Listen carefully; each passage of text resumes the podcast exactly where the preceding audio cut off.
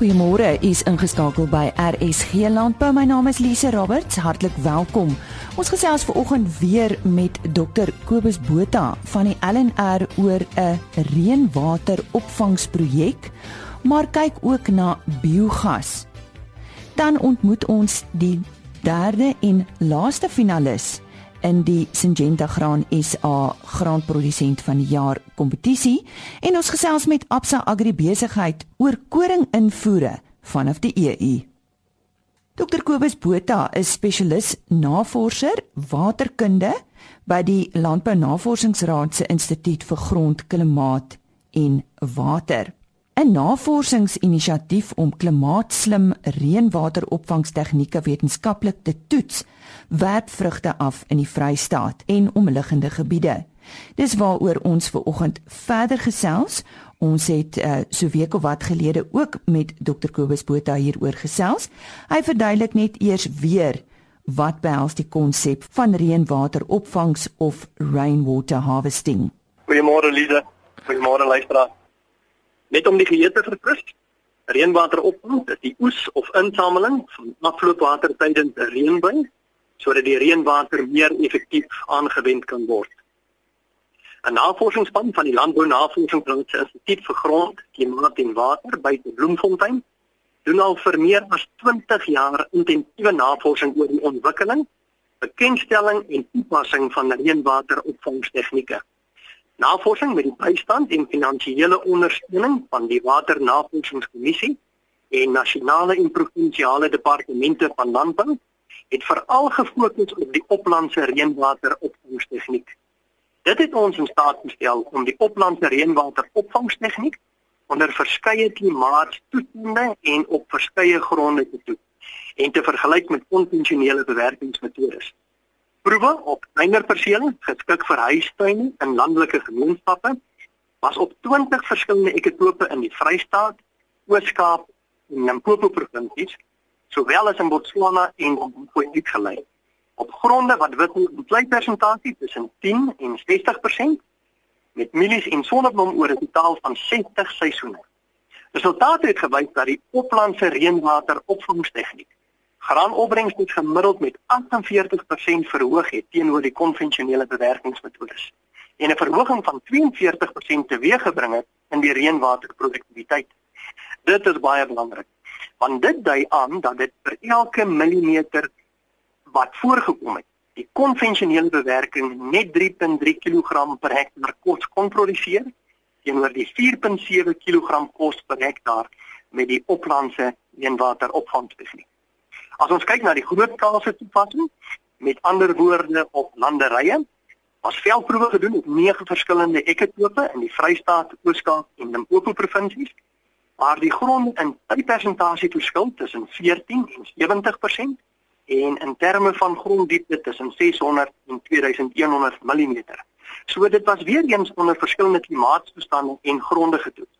Die resultate dui aan dat die oplandse reënwateropvangtegniek opbrengste met 16% verbeter het teenoor die konvensionele bewerkingsmetodes.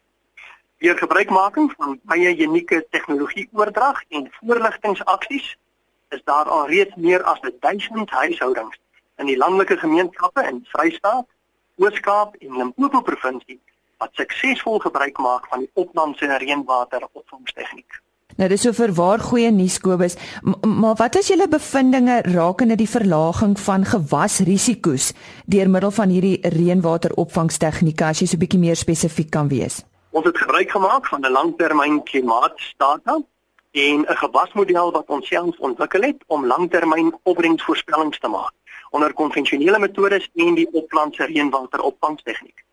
Die langtermyn opbrengstes was dan weer uitgedruk as kumulatiewe waarskynlikheidsfunksies wat aangedui het dat waar, dat waar die konvensionele bewerkingsmetodes klein boere blootstel aan baie hoë risiko, die oplandse reënwateropvangstegniek die risiko verlaag. Resultate het gewys dat daar slegs 'n 30% waarskynlikheid is om 'n opbrengs van 2 ton per hektaar te kry met konvensionele metodes en oor 'n 63% waarskynlikheid met oplandse reënwateropvangstegniek. Dus is daar baie minder risiko deur gebruik te maak van die oplandse reënwateropvangstegniek. Nou is hierdie reënwateropvangstegnieke ekonomies lewensvatbaar vir landbou, beide op klein skaal sowel as groot skaal, Kobus? Verseker. Resultate bewys dat onder beide skale die oplandse reënwateropvangstegniek baie meer ekonomies lewensvatbaar is in vergelyking met die konvensionele metodes op marginale gronde in semi-ariede gebiede. Kleinskaal meer spesifiek is die oplandse reënwateropvangtegniek tussen 60 en 80% meer ekonomies lewensvatbaar en op groot skaal is dit in die rangorde van 30% meer ekonomies lewensvatbaar in vergelyking met konvensionele bewerkingsmetodes. Julle het ook die koolstofvoetspoor in die studie ondersoek. Dis nou interessant. Wat was julle bevindinge? Resultate dui aan dat as gevolg van die gedeelde bewerkingsaksies op die konvensionele bewerkingsmetode teenoor die minimum en die geen bewerkingsaksies sowel as die toevoeging van organiese materiaal in die oplandse reënwateropvangstegniek het die konvensionele bewerkingsmetodes 9% meer koolstof verloor in vergelyking met die oplandse reënwateropvangstegniek. Hierdie was ongelukkig net oor die nie oor die langtermyn gedoen nie, maar ons glo dat die effek nog groter sal wees oor die langtermyn. Alternatiewe energiebronne soos biogas verneem ek was ook deel van julle studie. Vertel ons 'n bietjie meer daarvan. Energieproduksie raak ook 'n groter probleem. Weereens, 'n projek wat geïnisieer en befonds word deur die Waternavorsingskommissie is ons heidaglik besig met navorsing in die Oos-Kaap naby Ellis wat handel oor reënwateropvangstegnieke vir voedsel en biogasproduksie. Die Oos-Kaapse Departement van Landbou, Fort Cox College en die Universiteit van Fort Hare maak deel uit van die projekspan. Aangesien veeproduksie 'n integrale deel is van bestaanboere se produksiesisteem, kan misgebruik word om biogas te produseer, wat 'n eenvoudige, koste-effektiewe, omgewingsvriendelike en hernubare energiebron is. Biogas is 'n alternatiewe energiebron wat gebruik kan word in steede van hout, oksidasie en erosie sal verminder. Daarbenewens kan die byproduk van biogasproduksie aangewend word as 'n hoë gehalte organiese bemesting. Biogas kan ook gebruik word vir kook, verwarming en beligting en is minder skadelik vir die omgewing as rook van oop vuur. Biogasproduksie benodig egter 'n volhoubare toevoer van water en mis. Voldoende water vir biogasproduksie kan vanaf huise se dakke en tanks versamel word. Nou na jou mening, wat is die strategiese impak van hierdie studie vir die toekoms van landbou en voedselproduksie?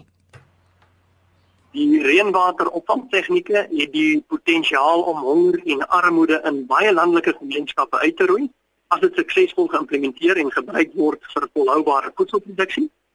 Dit het verder die potensiaal om inkomste te genereer deur die verkoop van surplusse of die kommersiële verbouing van 'n verskeidenheid van graan en ehm um, groentegewasse.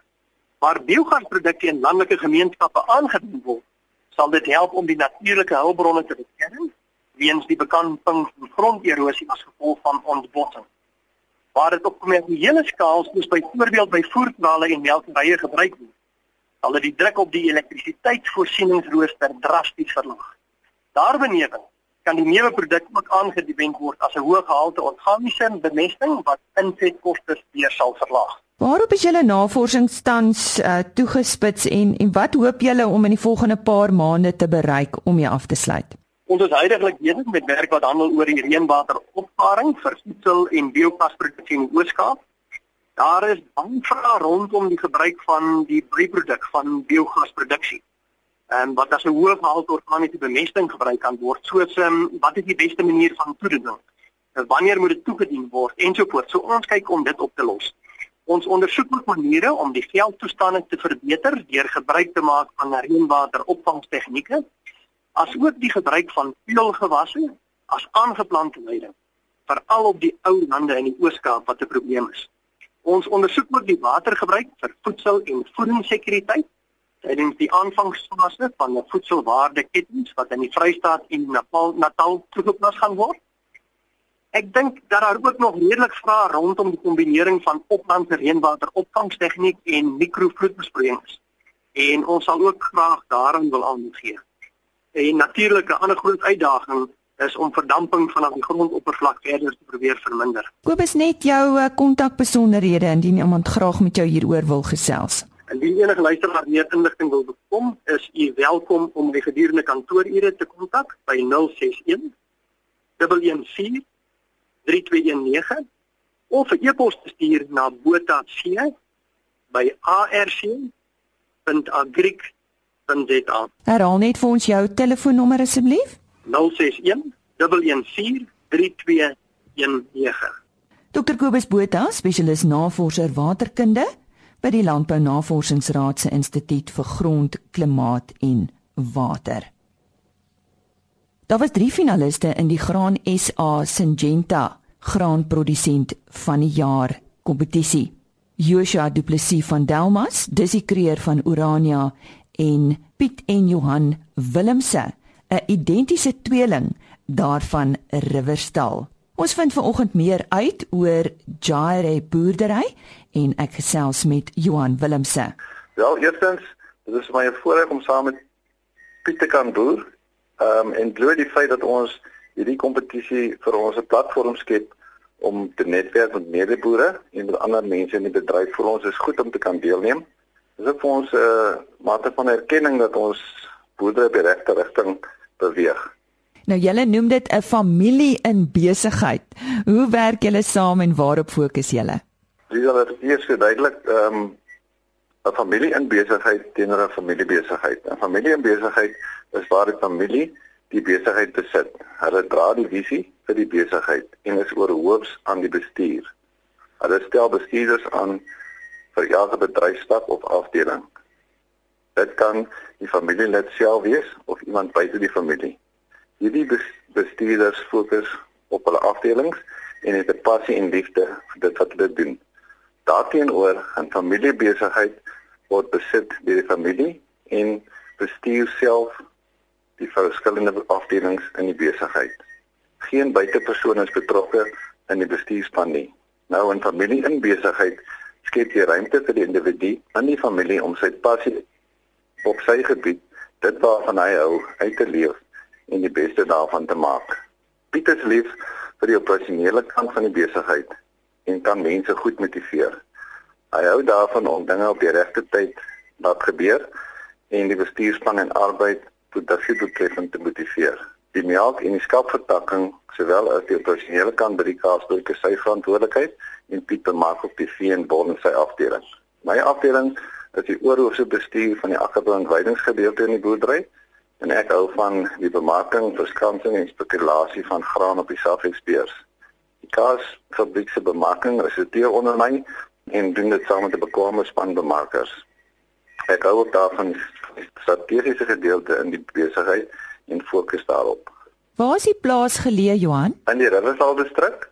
Ons plaas is geleë tussen Riversdal en Albertina op die N2 hoofweg. Kom ons gesels 'n bietjie oor julle verbouing. Wat verbou julle um, en dan brys 'n bietjie uit oor die rotasiestelsel wat gevolg word? Elisa ons ons verbou hoofsaaklik klein grane soos koring, canola, gars en haver vir oes, sowel as die maak van kuilvoer. Droëland dosering vir weiding vir skape, sowel as dosering grasmengsels vir die melkry word verbou onder spulpunte sproeiing. Nou wisselbou is vir ons 'n baie belangrike komponent van ons boerdery en ons bestuur dit in twee stelsels, naamlik 'n lang rotasie wat bestaan uit 5 jaar beseringweiding, spase en 5 jaar kontantgewasse wat mekaar roteer. Kort rotasiestelsel is meer op die ligte sandgronde en word mielies, radella en wieke roteer met klein grane. Julle besef seker die waarde van bewaringslandbou ook. Ons sien onsself as rentmeesters en het die verantwoordelikheid om grond te beskerm teen agteruitgang. Vrugbare grond het die vermoë om water en plantvoedsel vry te stel om plante soos benodig. Bewaringslandbou is vir ons 'n holistiese benadering van 'n paar basiese aksies om grondvrugbaarheid te verhoog en sodoende word die ideale omgewing geskep vir plantproduksie. Dit bring mee dat die produksierisiko by die verbouing van graan aansienlik verlaag. Gesonde grond bring gesonde plante voor vir gesonde mense en gesonde diere. En uh, presisieboerdery Johan? Om produksie doeltreffend te wees, is presisieboerdery die gereedskapstuk vir ons boerdery. Omrede ons in die Suid-Kaap met 'n variasie van grondtipes op een spesifieke kamp sit, kan ons ons insette bestuur volgens die opbrengspotensiaal van die grond. En nou hoe bemark julle julle graan? Jy het nou nou so vinnig daarna verwys. Ons kry tegniese sowel as fundamentele inligting op 'n daaglikse basis vanaf ons graanmakelaar Sielestraat. Hulle bestaan uit 'n kundige span markontleeders wat vir ons help om ingeligte besluite te neem by die bemarking van ons graan. Nou ons uh, het nou-nou ook gehoor oor die kaas en die melk en dan sien ek ook skaap. Nou wanneer kom julle by al hierdie tipe goed uit, Johan? Nou Lisa, ons is bevoorreg om 'n bekwame span bestuurders saam met ons te hê wat fokus op hierdie bedryfstakke. Hulle het hulle begrotings en ons kyk op 'n gereelde basis saam om afwykings te bestuur. Nou as ons 'n bietjie praat oor jou personeel, ek weet dis ook 'n belangrike deel van die kompetisie. Wat is julle filosofie? Dis die grootste bate in enige besigheid is die regte mense wat vir die onderneming werk. Ons filosofie is dat wanneer ons mense in ons bestuurspos aanstel, moet die persoon passie en liefde hê vir dit wat hy doen. Tweedens moet hy dit beter as ek en Piet kan doen. As hy beter as ons is, dan kan ons besigheid groei en vorentoe gaan. Ja, ek hou daarvan. Net om af te sluit, eh, 'n uh, paar gedagtes van uh, jou kant af, want jy is tog maar 'n leier boer, jy en jou broer. Dis ja, 'n paar gedagtes is, is eerstens om om te boer na aan God se skepping is en, en te leef is 'n voorreg. Tweedens, vertrou op hom en glo in jouself. Moenie fokus sit op die politieke onweerswolke in landbou nie. Vir my negatiewe gesprekke oor die toekoms in landbou. Landbou het 'n toekoms want dit produseer voedsel vir mense. Fokus op jou boerdery. En dan wil ek ook sê wees produksiedoeltreffend in jou hulpbronne, naamlik grond, arbeid, kapitaal en bestuur. Onthou boerdery gaan oor timing. Doen die regte dinge op die regte tyd. Sterkte en seën vir alle boere in ons land. Die stem daarvan Johan Willemse en hy en sy broer Piet was een van die finaliste in die 2016 Graan SA Syngenta graanprodusent van die jaar kompetisie. Vanaf 1 November het 'n nuwe koring invoer ooreenkoms met die EU in werking getree. Ek gesels nou met Wessel Lemmer van Absa Agri Besigheid hieroor. Wessel, kom ons gesels eers oor Suid-Afrikaanse koring invoere in die algemeen. Goeiedag Lize. Suid-Afrika voer so ongeveer 1.7 miljoen ton se koring in en ons verbruik so 3.4 miljoen ton se koring of die vraag daarna is so 3.4 miljoen ton koring ingesluit nou dit wat ons na ons buurlande toe uitvoer.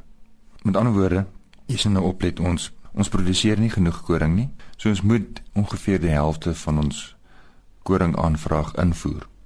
Nou wanneer die koring invoer, uh moet die bedryf 'n heffing betaal, 'n koringtarief. Daardie koringtarief is R1591 per ton. Dis so nagenoeg R1600 per ton wat ons betaal uh vir elke ton koring wat ons invoer na die heffing. Maar nou waarop kom dit nou neer? Dit bring daar dit kom daarop neer dat jou invoer pariteitsprys vir koring hier rondom tussen 5000 en 5100 rand per ton is vir koring uit die FSA uit. Nou die doel van 'n koringtarief is ook onder andere om ons plaaslike bedryf te beskerm en ons plaaslike bedryf se produksie op te stoot. Maar nou sien ons dit gebeur nie, dit is nie regtig so doeltreffend nie. Die prys wat op Safex se koring dan op haar hardred winter basis waarop die tariefformule gebaseer is met verhandel, is dan eintlik hier rondom R5000. Op die oomblik is dit so so R4000. 4000 4100 rand per ton. Wat beteken dat die kopers in Suid-Afrika vir die plaaslike koring op Randfontein basis R1000 minder aanbied. Met ander woorde, hulle betaal op die plaaslike koring net so R600 van die koring invoertarief. Dit wys net vir jou eintlik hoe oneffektief is die koringtarief. As ons nou gaan kyk na die die vorige TDCA ooreenkoms wat nou vervang word met die SADC EU EPA ooreenkoms. Dan beteken dit in kort dat bo en behalwe die algemene korting van 14,3% op 108000 ton koring, is daar nou volgens hierdie nuwe ooreenkoms 'n addisionele 300000 ton koring wat tariefvry ingevoer kan word. Nou die kwota moet nou verdeel word tussen verskillende aankopers. Nou in effek, as jy 300 000 ton koring tariefvry kan invoer, dan bring dit eintlik mee dat jy jou koring tarief meer verwater met ongeveer 200 rand per ton. Maar kom ons sê invoerders is daaraan gewoond om net in die plaaslike mark 600 rand per ton premie te betaal vir plaaslike koring. Want hulle betaal 1000 rand per ton minder as wat hulle betaal vir ingevoerde koring. Want as dit nie vir die tarief was nie, sou koring verhandel het teen 3400 rand per ton. Hulle betaal nou 4000 rand per ton, so daar's 'n 600 rand per ton premie. En as almal nou dieselfde prys wil betaal en seker maak oor die algemeen dat hulle dieselfde prys betaal tussen die verskillende meelenaars en invoerders, dan moet hulle mos nou hierdie korting in ag neem wat ongeveer die die die die of die tariefvrye koring van 300 000 ton in ag neem. Dan kom dit neer op so 'n 27% ehm um, afslag as jy dit nou maar kan noem wat jy minder gaan betaal in die binnelandse mark om seker te maak jy's nog op 'n gelyke basis met al die ander. Nou kom ons gaan kyk net vinnig hoekom ek so sê as ons gaan kyk na die spesifiek na die ooreenkoms. Ehm um, die ooreenkoms, die nuwe SADC EPA ooreenkoms is so saamgestel. Is dit nou die ooreenkoms wat 1 November in werking tree? Dis hy wat 1 November in werking tree. Hy is so saamgestel dat jy het daar's daar's 300 000 ton koring wat tariefvry uit die EU ingevoer kan word. Dit kan net ingevoer word van Februarie tot Oktober. Dis 9 maande. Wat beteken dat die 300 000 ton nou deur 9 gedeel word? Want jy mag nie koring invoer in koringleweringsmaande wat nou November, Desember en Januarie insluit nie. Dis bring dit jou nou uit op 'n tariefvrye kwota van koring invoere uit die EU van so roweg 34000 ton wat 'n vragkoring per maand is. Daardie 300 000 ton koring oor die 9 maande moet ook word ook maandeliks ingedeel. So as 'n maand verstryk en dit word nie opgeneem nie, dan word dit verbeur. Dit word nie oorgedra na die volgende maand toe nie. Dis die tweede ding. En die derde ding wat belangrik is, is dat daardie koring kan nie ingevoer word in die kushawens. Uh wat Kaapstad, Port Elizabeth en Oos-London insluit nie, maar ja. wel deur Durban. Waarom? En deur Windhoek. Mm. Die wat? rede daarvoor is om die koringprodusente aan die kus te beskerm omdat hulle die mees negatiefste geraak word deur goedkoper koring invoere en onder groot druk geplaas kan word. Want onthou nou jou verskil in jou koringprys in die binneland en aan die kus as gevolg van die vervoerkoste produsente in die kus behaal baie laer, heelwat laer pryse vir vir hulle koring. En dis die rede. Kom ons uh, vergelyk dit net gou weer met die groter prentjie. Ons praat so van 140 000 ton koring per maand wat Suid-Afrika moet invoer oor 12 maande. En as jy dan jou 34000 ehm um, 34000 ton gedeel deur 141000 ton gee jy so 24% 25% van die maandelikse koring invoere oor daardie 9 9 maande wat tariefvry kan inkom. En 25% koring wat tariefvry in 'n maand kan inkom, het 'n groot impak op die 75% wat met die 1591 rand per ton koring tarief kan inkom. Dit kan beteken dat produsente dalk laer pryse van die by die 200 rand per ton minder kan behaal op Safex weens hierdie nuwe tariefvrye koring wat kan inkom vanuit die EU. Maar jy sê kan. So is nie noodwendig nie. Dis nie noodwendig so nie. Maar as jy gaan kyk na die mededinging in die mark wat gewoonlik gebeur. Handelaars, invoerders, kopers van koring van kommoditeite neem die swakste scenario in ag as 'n basis en begin van daar af te onderhandel om seker te maak weens mededingings issues en kwessies. Hulle seker maak dat hulle in uh, mededingend bly met met meelenaars, met ander kopers om seker te maak dat hulle die laagste koste vir hulle kommoditeite betaal wat hulle gaan nodig hê in die verwerking van die koring. Nou goed, dit was koring, net om dit af te sluit. Kom ons gesels oor die ander gewasse soos uh, sojabone, sonneblomme, kanola en grondbone. Hoe lyk die produksie? Nee, wat interessant is van sojabone en sonneblom, ons het verlede jaar met die droogte saam was ons baie gelukkig en ons het 'n redelike goeie oes gehad vir sonneblom. Wat wêreldwyd gebeur, palmoliepryse bly hoog, plantaardige oliepryse bly steeds hoog. Ons bly 'n netto invoerder van plantaardige olie. So produsente sal steeds goeie pryse vir sonneblom behaal. Pers is klaar oor die kwaliteit van sonneblom. So ek dink ehm um, dit was weens die droogte verlede jaar. Ek glo dit sal herstel produsente wat spesialiseer in sonneblomproduksie behoort goeie pryse te behaal vir hulle sonneblom. Kyk na sojabone. Die verwagting vir die volgende 6 maande internasionaal is dat die pers aktiwiteite aansienlik gaan toeneem en dat daar heelwat sojaboonolie beskikbaar gaan wees wat dan sojabone se prys ook onder druk kan plaas. Dit het natuurlik vir Suid-Afrika is die rand 'n groot faktor. Ehm uh, dit hang af van tot watter mate die rand verder gaan verswak wat ons binnelandse pryse vir beide sojabone en sonneblom gaan wees. Grondbone, ek dink grondbone, ons grondbone produksie het verlede jaar 'n baie lelike knou gekry. Ehm um, daar's 'n groot vraag na grondbone. Grondboonprodusente behoort baie goed te doen vir die jaar wat kom. Uh, daar's dele wat reeds goeie reën ontvang het wat nou al hierdie week begin grondbone plant. So dit lyk positief vir grondbone. Ehm um, ja, so dit is die die totale jaar vir graanproduksie vir die jaar wat kom weens die knap oordragvoorrade, die swakker rand, die heel wat beter weer reënval vooruitsigte kan maak dat ons hierdie jaar 'n uitstekende jaar gaan sien. Ons verwag die verwagting van die bedryf is dat produsente tot 2.6 miljoen hektaar kan aanplant van wit en geel mielies. Daardie produksie kan 11,7 miljoen ton beloop as ons 'n gemiddelde opbrengs van so 4,5 ton per hektaar maal. Nou tegnologie stel ons in staat om dit te kan bereik want dit benut ons water beter.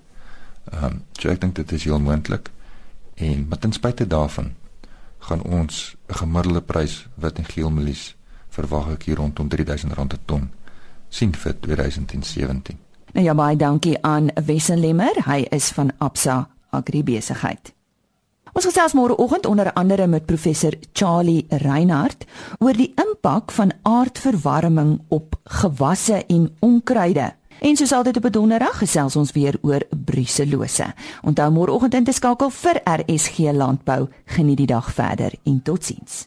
RSG Landbou is 'n produksie van Blast Publishing. Produksieregisseur Henny Maas.